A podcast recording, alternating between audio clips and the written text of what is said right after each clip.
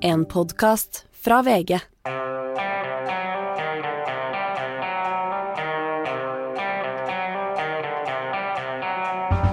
Ikke visste jeg at alle disse dagene som kom og gikk, de var selve uke seks.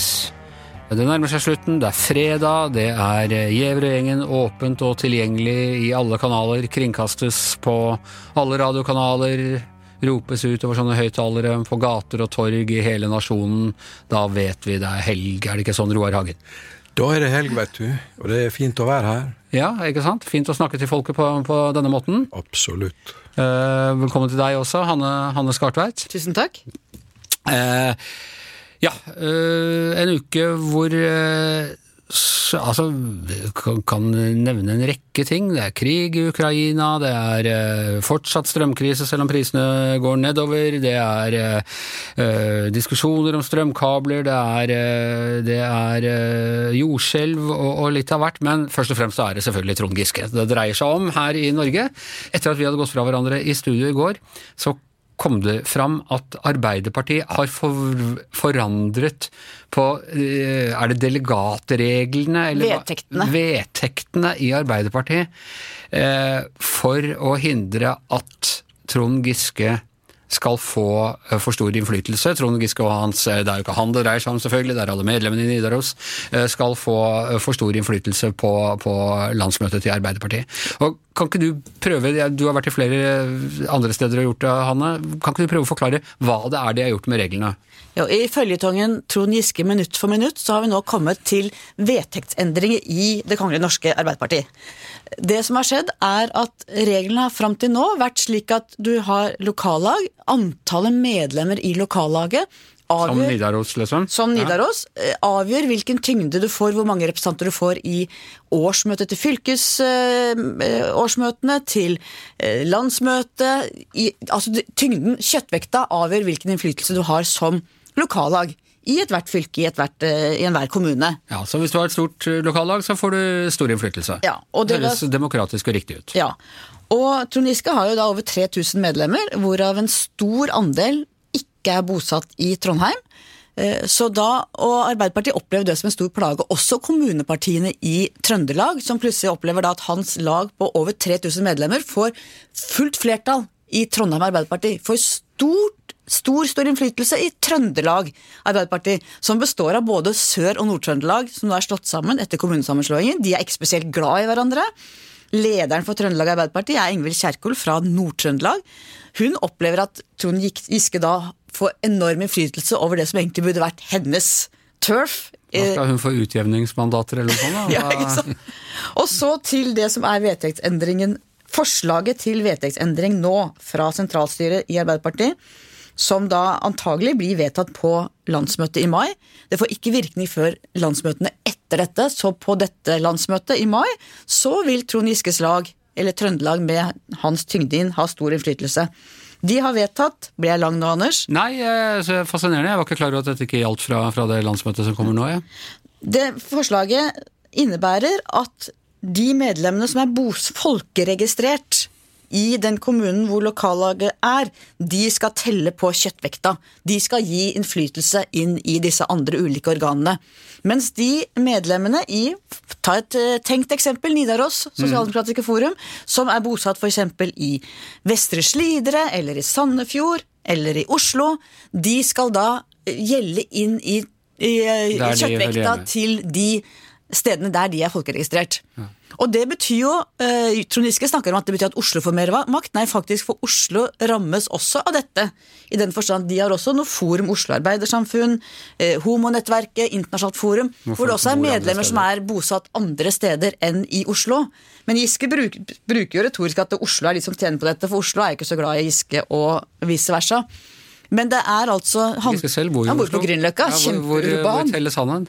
Eh, Han telles kanskje i Oslo, faktisk. Han telles ikke i sitt eget. Men det betyr jo ikke at du ikke får representere lokallaget der du er. Nei. Det betyr bare at Nidaros plutselig krymper fra over 3000 til kanskje 1200-1500 inn i organene i Trøndelag. Men hvis jeg skjønner riktig etter å ha sett debatten i går, så sier Giske at han ser at det er fair eh, på mange måter, men han vil ikke at de skal telles noe andre steder heller.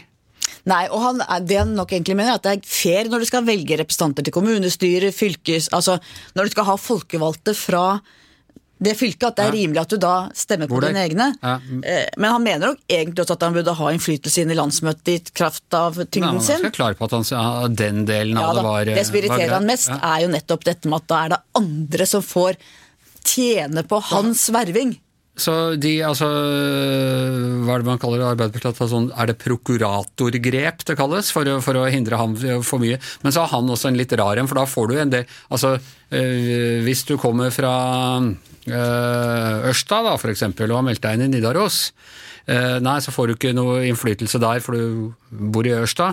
Men du får heller ikke innflytelse i Ørsta etter Giskes modell. Nei. De, blir en slags sånn retts... Eller, ja eh, svevende i, i spøkelsessonen, eh, de som ikke er, eh, er med i lokallaget der de bor. Ja, og Det var jo Kjersti Stensengs eh, bærende argumentasjon i debatten i går på NRK. At du, har, du er, er du medlem i Arbeiderpartiet, så er du fullverdig medlem. Da må du ha tyngde ett sted.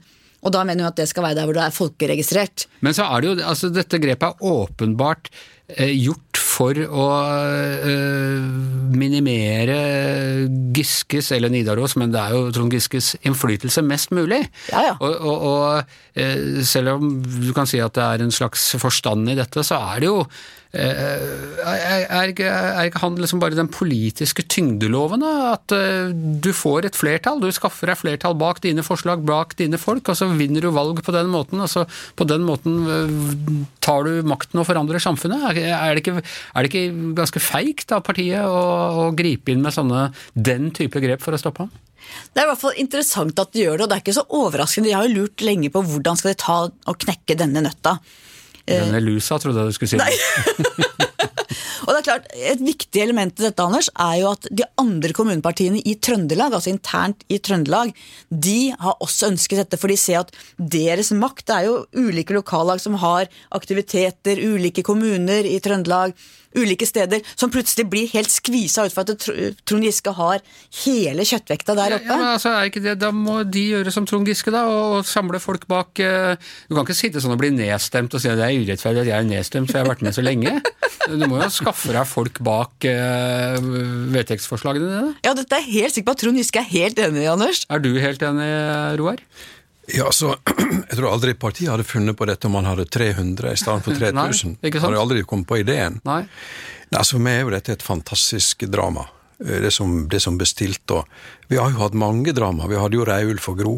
Vi hadde Carl I. Hagen med sin Vi må ta for yngre lyttere, altså Reiulf Steen, Reiulf Steen, ja. var, og Gro Harlem Brundtland, som begge var eh, Var de nestledere sammen eh, i partiet? Eller var de Ja, han var leder, og hun var nestleder. Han var leder, og hun var nestleder, ja. Det var jo en episk maktkamp, og så hadde vi mellom eh, Torbjørn Jagland og Jens Stoltenberg kampen om partiet. Og vi har jo hatt i, i Høyre med Erna, som eh, hadde mye motstand i starten, men som overvant alt. Og så hadde vi jo Carl I. Hagen, da, som med sine utrenskninger. Ja. Dette, er jo, dette er jo ikke noe nytt, men det er jo klart når det skjer Men den er helt unik, akkurat denne situasjonen. Ja, og så er det noe eget når det skjer i Arbeiderpartiet. Fordi Det hadde vært litt som Reiulf Steen hadde gjort et comeback etter å ha blitt detronisert under Gro og starta et eget uh, partilag som hadde utfordra Gro Harlem Brundtland. Ja. Og sånn, sånn som det ser ut nå for meg, da, så er det jo nesten som skulle jeg skrevet et manus for en TV-serie sånt, om politiske intriger og maktspill. Og jeg tror når du skreller vekk eh, teknikaliteten rundt avstemning osv., så, så handler det også om reell eh, kamp om Arbeiderpartiets retning, sjel og slike ting, som, eh, som har gjort at Giske har blitt i stand til å samle denne flokken. Ja, Men så er det jo også, det er jo, må vi jo nevne her, eh, vi nevner våre kolleger i Vårt Land. Jeg hater å gi andre den tittelen, men Vårt Land er suverent best på dekningen av eh, Nidaros. Og de avslørte her for en uke eller to siden at de, eh, de som hadde meldt seg inn i Nidaros, så var det mange som reagerte på at de hadde De var ikke klar over at de måtte melde seg inn i Arbeiderpartiet for å bli medlem. De ble veldig fornærma da de fikk velkomsthilsen på video fra Jonas Gahr Støre. Ja, ikke, ikke ikke telefon fra Trond Giske! Ikke sant, for det var ikke akkurat Jonas eh, de støtta. I dag har de en eh, har de en annen helt utrolig sak, og det er at uh, her er høyremannen som superverver for Giske. Det er altså en mann som heter Trygve Bauge, som er kjempeflink til å verve folk uh, uh, for Nidaros, men han er altså høyremann. Og ikke bare det, han er en tabloid legende i Norge. Han ble kjent på tidlig 90-tall, han bodde i Colorado og hadde frosset ned bestefaren sin. senere har han visst frosset ned moren sin også. Det er en egen festival Etter at de var døde, håper jeg, Anders? Etter at de var døde, altså, for han tror på sånn kryonisering. Eh, det, det, er jo for så vidt, altså det gjør jo alle de der eh, borti Silicon Valley og sånn også, så det er eh, Men han Bauge, han har litt sånn, han har langt hår og skjegg og ser litt sånn huleboer ut. Og det er en egen festival i Colorado som heter Frozen Dead Guy-festivalen, som da dreier seg, er bygget opp rundt denne nedfrosne bestefaren til, til, Giske. Så jeg vet ikke om hele den der Frozen Dead Guy-festivalen nå blir innmeldt i Nidaros og kommer på landsmøtet i Arbeiderpartiet, men det hadde vært gøy. Du, får, du ga meg jo nå en idé hvor Giske ligger under opptining. Ikke sant? Så, ikke sant? det må jo bli en tegning en dag. Ikke, ikke fullt Frozen Dead Guy. Vi snakket også om i dag uh, Eh, Roar, på, på tegneideer også, om du kunne lage noe sånn I går snakket vi om at uh, Faulty Towers, hotellet særklasse, kommer tilbake. Kunne det vært en uh, setting? Altså, Jeg håper jo denne, selvfølgelig for min egen profesjonelle del, at dette varer helt fram til landsmøtet. Og, og, det er jo en, en fantastisk idé bak for meg. Altså, Det utløser jo alle, alle lamper lys, ikke sant. Her er det personkonflikter. Hvis, hvis jeg var Jonas, så ville jeg jo tatt Giske inn og gjort han til helseminister. Sant? Og temma, tatt tyren ved hornet og temma Hva med energiminister? energiminister. Et eller annet grusomt departement, ikke sant. Som ikke er mulig å, ikke er mulig å gjøre komme, en god eller, jobb. Å gjemme seg noe sted. Helseminister. Helseminister.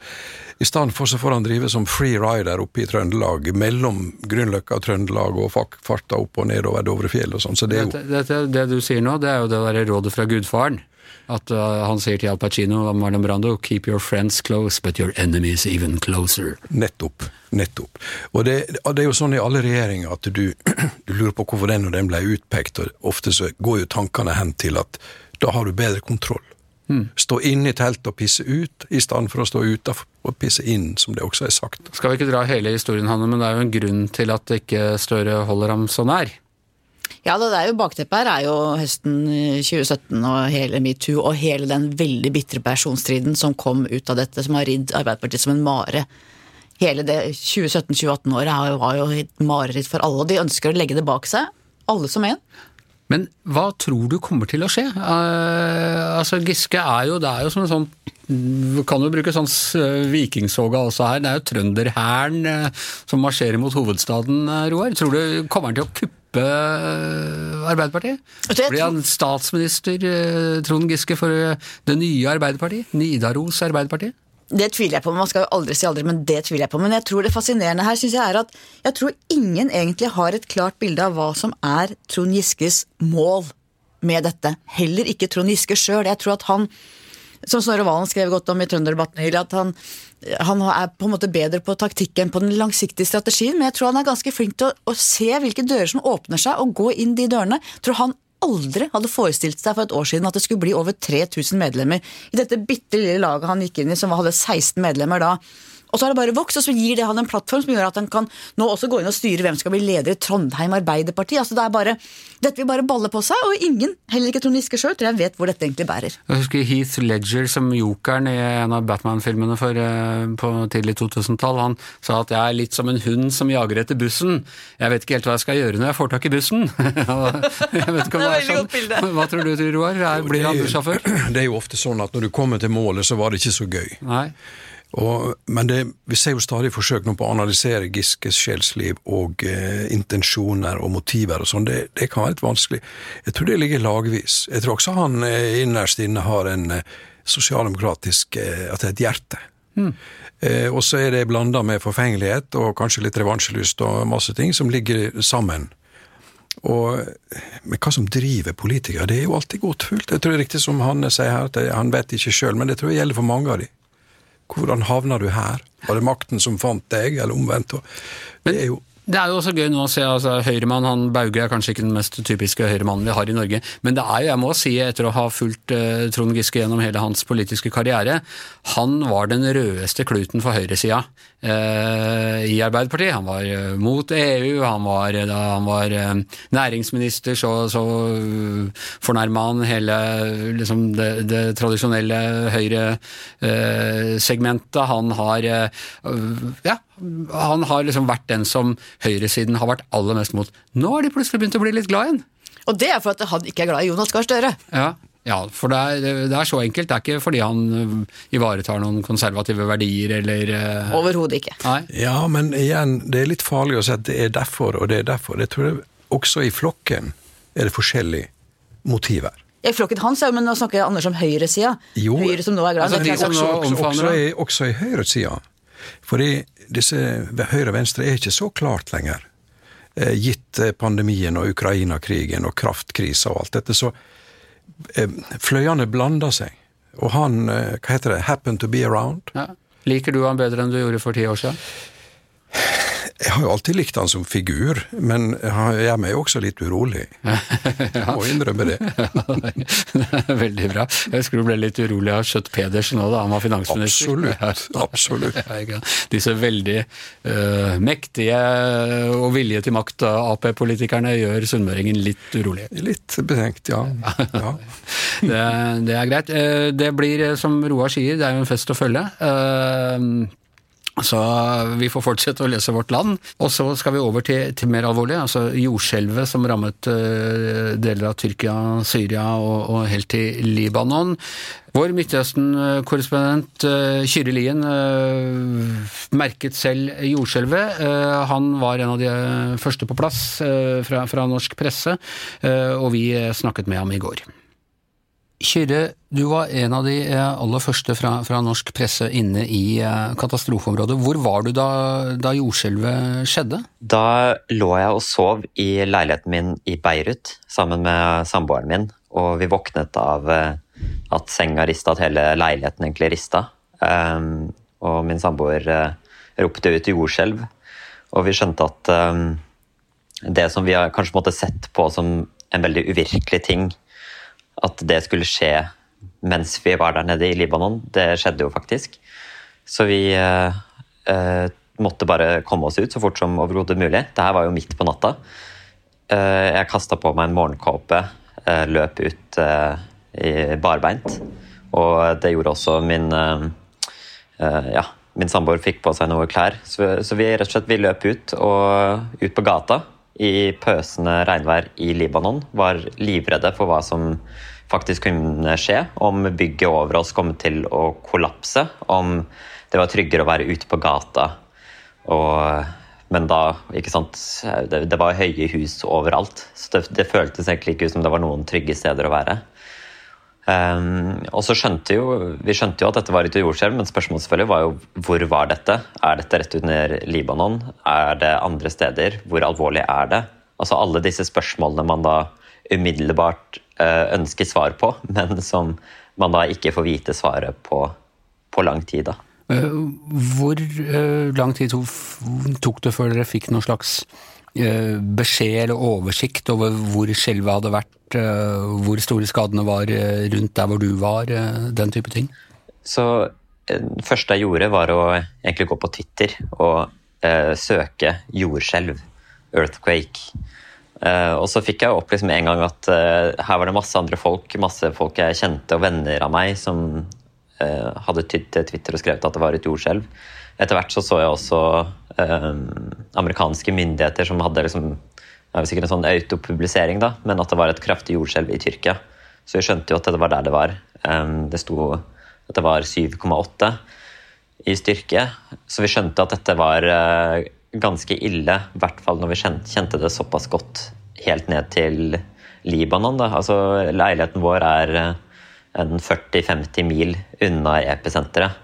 Og når selv vi kjente det, eh, og bygninger svaiet frem og tilbake, det var vanskelig å stå oppreist, eh, så skjønte jo skjønte jeg ganske raskt at det her kom til å være alvorlig. Men jeg innså overhodet ikke liksom omfanget av det. Hvor ekstreme store ødeleggelser det kom til å være. Jeg brukte de første liksom, timen eller to på å gå på ja, igjen henge på Twitter og, og prøve å finne ut liksom, hva er det folk poster derfra. Uh, jeg så at det var, uh, folk hadde lagt ut bilder av uh, video, bilder og video av leiligheter som hadde kollapsa. Og kunne jo forstå at liksom, ja, ok, her er det ødeleggelser, men det var vanskelig å forstå nettopp hvor store de var. da. Det, det tok mange timer før vi begynte å se omfanget av det. Ja.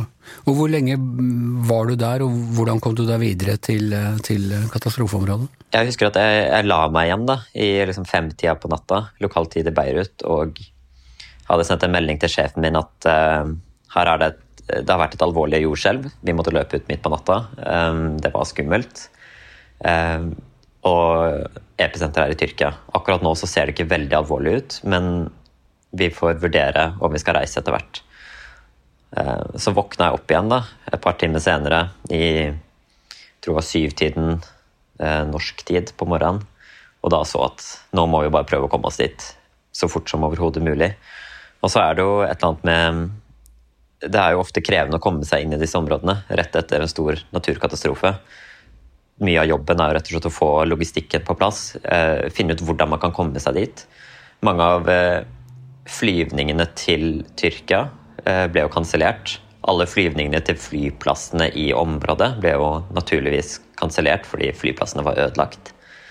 Men vi klarte å, å, å finne en flyvning på ettermiddagen til eh, Adana i det sørlige Tyrkia.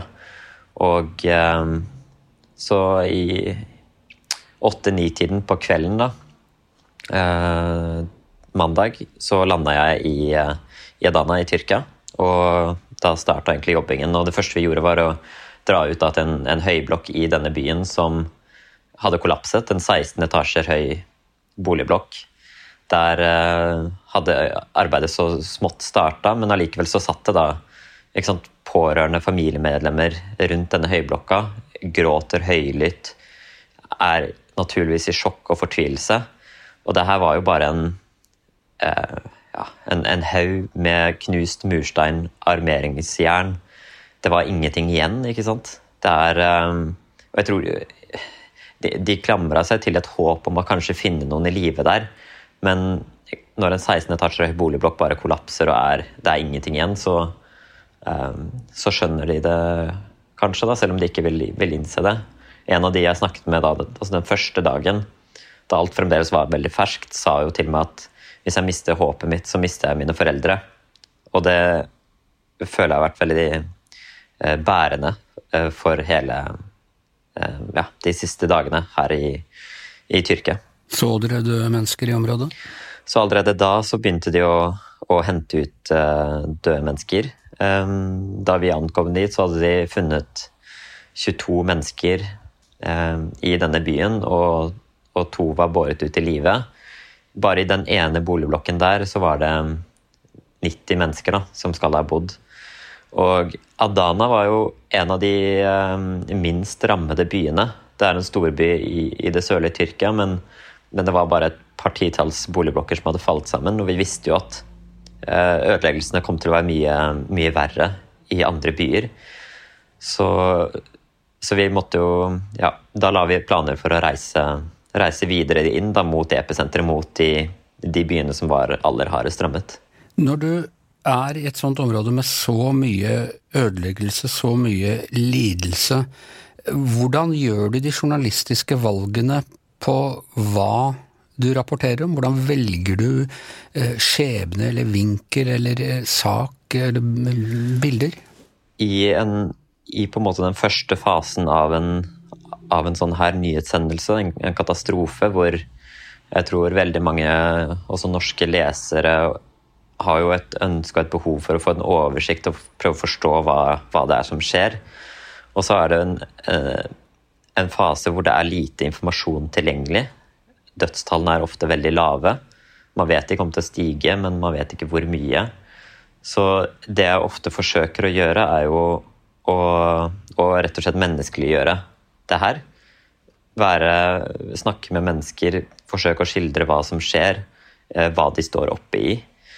Og så er det jo klart at man må håndtere dette veldig varsomt. Dette er mennesker i kanskje dyp, altså definitivt dyp sorg, traumatiserte. Um, og det er bare noen timer siden på en måte det her skjedde, da. Og jeg, eh, altså i hvert fall første dagen, altså mandagen, så var jo jeg også på en måte fremdeles litt skjelven i kroppen etter å ha bråvåknet av jordskjelvet hjemme i Beirut. Og jeg kan nesten ikke forstå hvordan, hvordan de menneskene altså i Tyrkia hadde det. da, Hvor ekstremt skummelt og eh, ja, rett og slett skummelt og jævlig det må ha vært for dem. da, Å våkne om midt på natta og så forsøke å ringe sine kjære, og så er det kanskje ingen som tar telefonen. Og på en måte de menneskelige ja, de menneskelige delene av tragedien er jo viktig å få formidla. Det er også noe, noe, av grunnen til at VG reiser inn i disse områdene for å, for å ja, rett og slett være der da, og fortelle disse historiene. En sånn katastrofe av et sånt omfang er jo en slags sivilisasjonskollaps. Altså man, man, man, kommer inn i et område hvor sivilisasjonen rett og det er undergangen. Og, og det er ganske stor påkjenning å skulle operere ut fra de vanlige liksom, ja, arbeidsregler og etiske koder og, og, og, sånn, når man føler at man står på, på kraterranden til undergangen? Definitivt. Og så er det, er det liksom den der balansegangen da, hvor man hva skal man si, faglig sett eller profesjonelt sett ønsker man jo å få formidla liksom, de sterkeste historiene. Og man ønsker å komme tett på mennesker eh, fordi det, det, er viktig. Men samtidig så må man jo veie det opp mot hensynet til menneskene man har snakket med. Og det er jo veldig vanskelig når man, når, man, går opp til fremmede mennesker som kanskje er i, er i dyp sorg, og, og, prøver å åpne en samtale, og så vet man ikke hvorfor de er der. Eh, det kan være datteren deres eller sønnen som ligger under ruinene, ektemannen, foreldrene. Man aner ikke.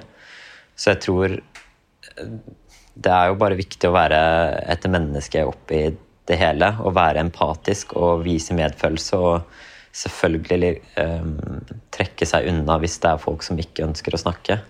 Og så har jeg opplevd at veldig mange av de menneskene som vi har truffet her de siste dagene i det sørlige Tyrkia, har jo hatt et ønske om å fortelle.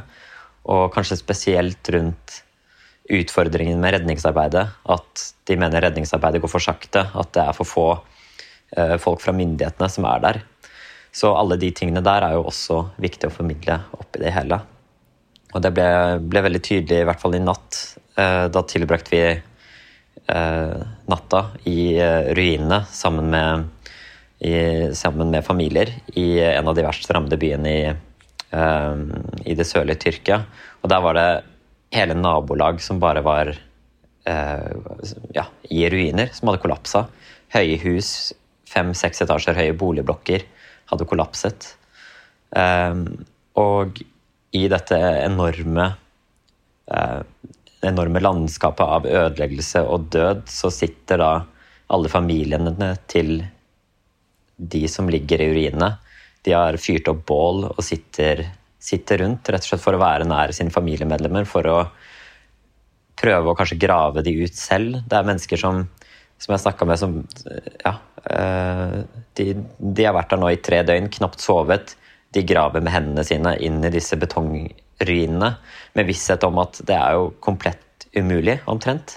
Det er nesten ingen sjanse for å overleve nå på døgn nummer tre. Det er, um, I natt var det to minusgrader. Og, men samtidig så, så har jo de dette håpet om å finne noen i live. Og det var vi jo også vitne til. Hvordan uh, i løpet av en halvtime så ble to mennesker hentet ut av ruinene. Uh, blant annet en 14 år gammel gutt som heter Ali som eh, ble hentet ut da, etter å ha ligget inne i et kollaps av boligblokk i 36 timer. Redningsmannskapene fant han eh, liggende i senga si med broren hans som holdt rundt han. Og broren var død, eh, men Ali var i live. De klarte å, å berge han ut. Eh, og det er klart at liksom de Altså de møtene, da, og de, de få livsgnistene og de få liksom, positive nyhetene som kommer ut derfra, er jo noe som virkelig folk klamrer seg til. da. Det er på en måte det eneste de har oppi det her. Og så er det nesten umulig å, å på en måte innse hvor, hvor enorme ødeleggelser det er. Og hvor, um, hvor mange mennesker, hvor mange familier som er ramma av det her. Da er jo nettopp de historiene som du, du formidler her nå øh, viktige, selv om de på en måte ikke er representative for hvordan de store, men så er det fordi nettopp i, i, i en sånn undergangssituasjon så er det øh, livsgnisten som blir viktig. Får du har du inntrykk av at hjelpen kommer frem? Det er jo ofte i sånne katastrofer at ja, det kommer ned, det blir stående, men så blir det stående på flyplassen. Man har ikke infrastruktur eh, til å spre det. Hvordan virker dette her? Bare for å tegne et, altså et eksempel, sånn som det nabolaget vi var i i dag. I, og det er da én av på en måte ti byer som er verst rammet her i det sørlige Tyrkia. I tillegg har vi Nord-Syria, men i hvert fall her i, Sør-Tyrkia. Et nabolag der hadde 600 leiligheter. Um, 60 boligblokker som har falt sammen. Og i den byen var det kanskje flere titalls sånne nabolag da, som bare har kollapsa. Og det er eh, Altså, det betyr jo at hva skal man si, Jeg tror enhver myndighet, ethvert lands respons blir helt overveldet av noe sånt her, fordi um, Rett og slett de mangler utstyr, de mangler strøm, de mangler internett. Det, det vi har sett, i hvert fall de første dagene, var en ganske ukoordinert redningsaksjon hvor mennesker gravde med bare hendene sine inn i ruinene.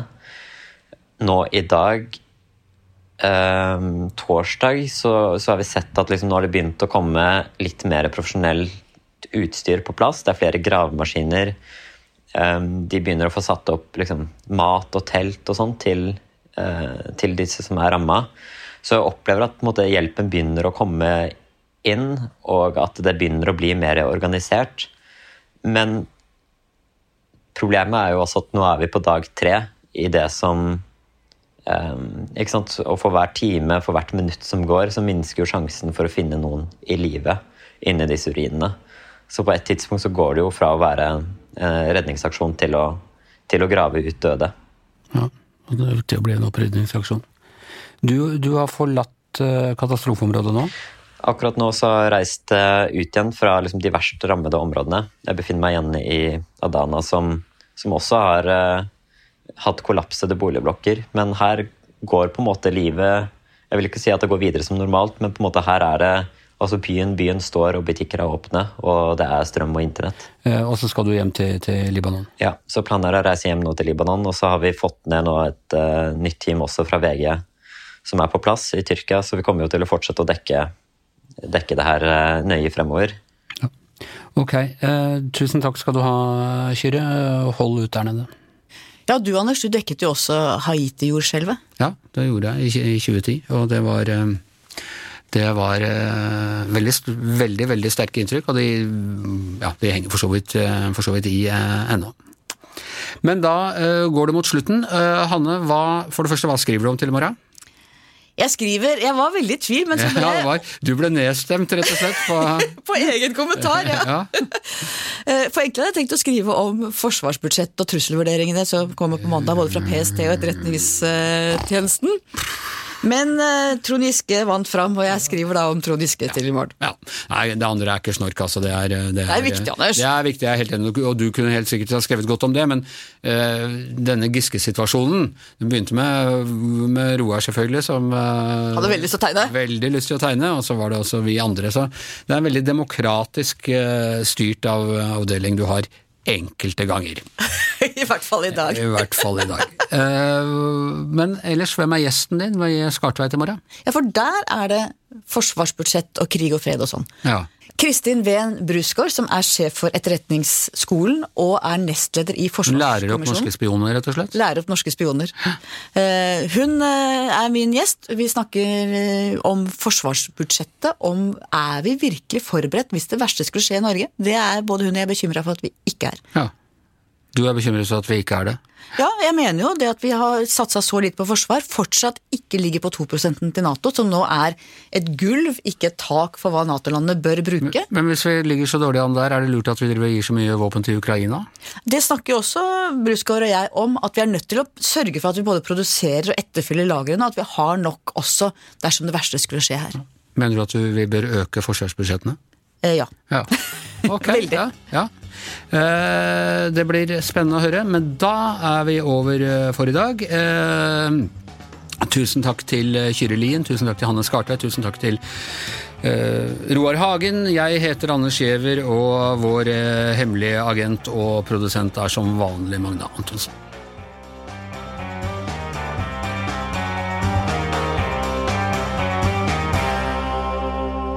Du har hørt en podkast fra VG. Ansvarlig redaktør, Gard Steiro.